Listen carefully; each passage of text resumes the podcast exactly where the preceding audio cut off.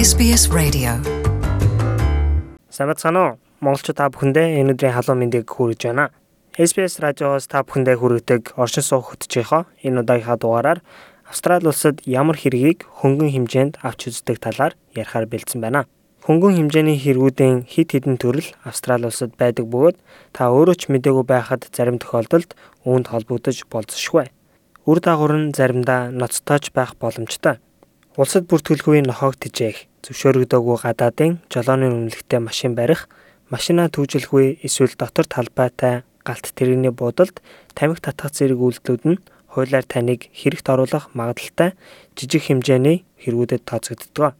Хэрвээ таны төрлөх оронд эдгээр үйлдэлүүдэд арга хэмжээ авдаггүй бол Австрали улсад асуудалд орох өндөр эрсдэлтэй байна гэсэн үг маа. New South Wales мужидах Refugee Service буюу орогнол хүсэгчдийн хуулийн үйлчилгээний гэр бүлийн хуулийн зөвлөх Florence Montalvo Cruz эдгээр өөрчлөлтүүдийн талаар тайлбар өглөө. One of the things that my dad likes to do is when you when he goes to the market sometimes he tastes the the fruit for example like a grape or something like that. And I know just going into the community and um going into the shops and stores and Манай аав жишээлбэл дэлгүүрээр хүнсээ цуглуулж байхдаа хийх туртай нэг зүйл нь жимсийг амсаж үзэж байгаад худалдаж авах юм. Хаяада усан үзэм гих мэтээс амталж үзэх туртай байдаг. Бидний анзаарснаар маш олон өөр үндэсний хүмүүст энэхүү дадал зуршил адилхан байдаг. Харин эндхийн томоохон дэлгүүрүүд тухайлбал Woolworths, Coles гэх мэт тэдний хувьд энэ үйлдэл нь дэлгүүрээс хулгай хийж байгаа үйлдэл гэж харагддаг. Хэдийгээр инглигээд баримтлагдахгүй ч гэсэн тухайн үед зөрчилдөөн үүсгэж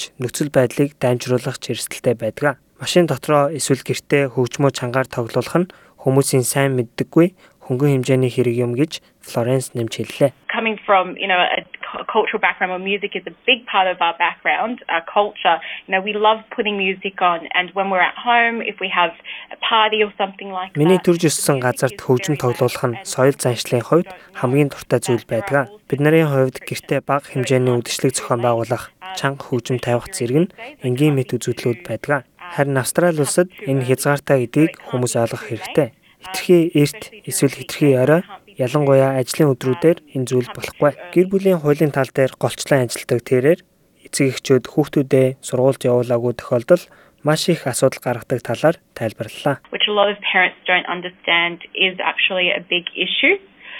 So if a child doesn't go to school, the parents could be held Энэ асуудлыг эцэг эхчүүд маш том асуудал болно гэдгийг ойлгодоггүй. Хэрвээ хүүхдүүд сургуульд явахгүй бол эцэг эхчүүд хариуцлаганд унж магадгүй. Боловсролын хилтэс гэр бүлийн үйл ажилд илүү оролцох боломж бүрддэг. Ингэснээр гэр бүл болон нийгмийн үйлчлэгээний хилцээний оролцоо бас үүсэх юм а. Гэр бүлтэй холбоотой асуудлын бас нэг жишээ бол эхнэр нөхөр салсныхаа дараа бие биенээ утсаар эсвэл захиагаар доромжлох асуудал байдаг. Энэ цагдаагийн байгууллагаас гэр бүлийн хүчирхийллийн асуудлаар саатуулах арга хэмжээ авахд ч хүрэж болно. and if they don't um you know see a, a lawyer to try to help them negotiate time with the kids if they just continue sending the messages with an AVO being in Хэрвээ эцэг эхчүүд хуулийн тусламж аван хүүхдүүдтэйгээ өнгөрүүлэх цагаа тохирч чадахгүй бол цагдаагийн байгууллагаас олгосон сануулгыг зөрчсөн хэмээн үзэж эрүүгийн хэрэг үүсэх нөхцөл бүрддэг. Энэ бол маш ноцтой асуудал. Яг гэвэл тухайн хүнд эрүүгийн түүх бүртгэгдэх юм а.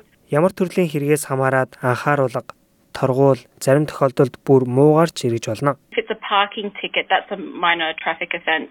That's not going to be on your um on your record. But things like using offensive language in public um if they have um a knife Хэрвээ гаргасан зөрчил нь машина буруу зогсоолд тавьсан хэрэг бол энэ муу түүх хувийн хэрэгт үлдээхгүй.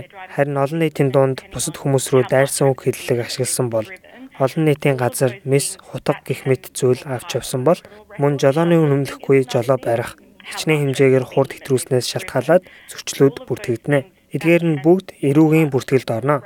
Дэлгүүрээс хулгай хийгч бас үүнд хамаарна. Торгуулийн хувьд олон мянган доллар хүртэл өсөх боломжтой байдаг. Хэрвээ та төлөхгүй бодвол бүрч дордно. Florence Montalvo Cruz энэ тал дээр тусламж авах боломжтой талаар тайлбарллаа. Legal Aid have a working development order service that can help them pay off the fines without um, paying it off in terms of money, but rather engaging in Хуулийн тусламжийн байгууллага төлбөр төлөх боломжгүй гэж үзвэл мөнгөн дүнгээр биш нийгмийн ажил хийлгэх, сургах, бусад хэрэгцээтэй ажил хийлгэх гэх мэтээр төлбөрийг барагдуулах ажил хийлгдэг тохиолдлууд байдаг. Нохора Одичо бол New South Wales мужийн хуулийн зөвлөгөөний орогнол хүсэгчдийн үйлчилгээний нийгмийн оролцоо хариуцсан ажилтан бөгөөд үнэгүй хуулийн зөвлөгөө авах бүрэн боломжтойг хэлж байлаа. Most people for from CAL communities and newly arrived they they tend to blame themselves when they those problems happen. Ихэнх англи хэлээс өөр соёл хэл заншилтай нийгмийн бүлгүүд шинээр Австрали улсад ирээд өөрсдийгөө буруутгаж бусдаас тусламж авдаггүй. Нутаг нэгт нэг хүнээсээ зөвлөгөө авах нь их байдаг. Хэрвээ буруу зөвлөгөө авсан бол буруу мэдээлэлтэй тухайн хүн үлддэг. Таны хэрэг том жижигээс үл хамааран мэрэгжлийн тусалцаа, хуулийн үйлчилгээний байгууллагаас аль болох эрт авах хэрэгтэй талаар тэрээр нэмж хэллээ. It's like when you're sick you, you go to the doctor when your car is broken you just take it someone to fix it. So those legal issues and you can see someone to help you with. Most people they say it's it's not really a big problem. It's Үүнийг зүйрлэж хэлэх юм бол та хэрвээ өвдсөн бол эмчдэр очино. Машин тань эвдэрсэн бол засварчин дээр очино шүү дээ. Тэгэхээр хэрвээ хуулийн холбоотой асуудал байгаа бол энэ тал дээр тусалж чадах хүмүүстээр очих ёстой. Ихэнх хүмүүс энэ бол нэг их том асуудал биш болохоор хуулийн зөвлөгөө авах шаардлагагүй гэж хэлдэг. Жижигхэн торгуул, жижигхэн гэрээ шүдэ гэх мэт. Эсвэл хүүхдийн сургуультай холбоотой асуудал байвал бусад хүмүүсийг оролцуулах дургүй байдаг. Гэхдээ миний хэлэх гээд байгаа зүйл бол хуулийн асуудал бол хуулийн мэрэгжлийн зөвлөгөө аль болох эрт авах нь танд хамгаас их тустай.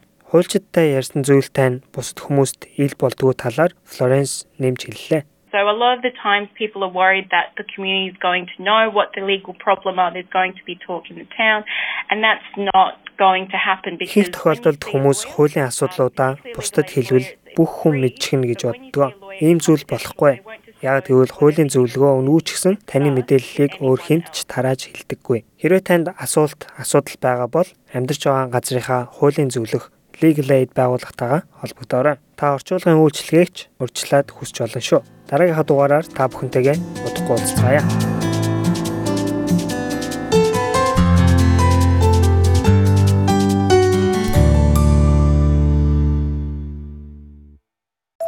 sbs.com.au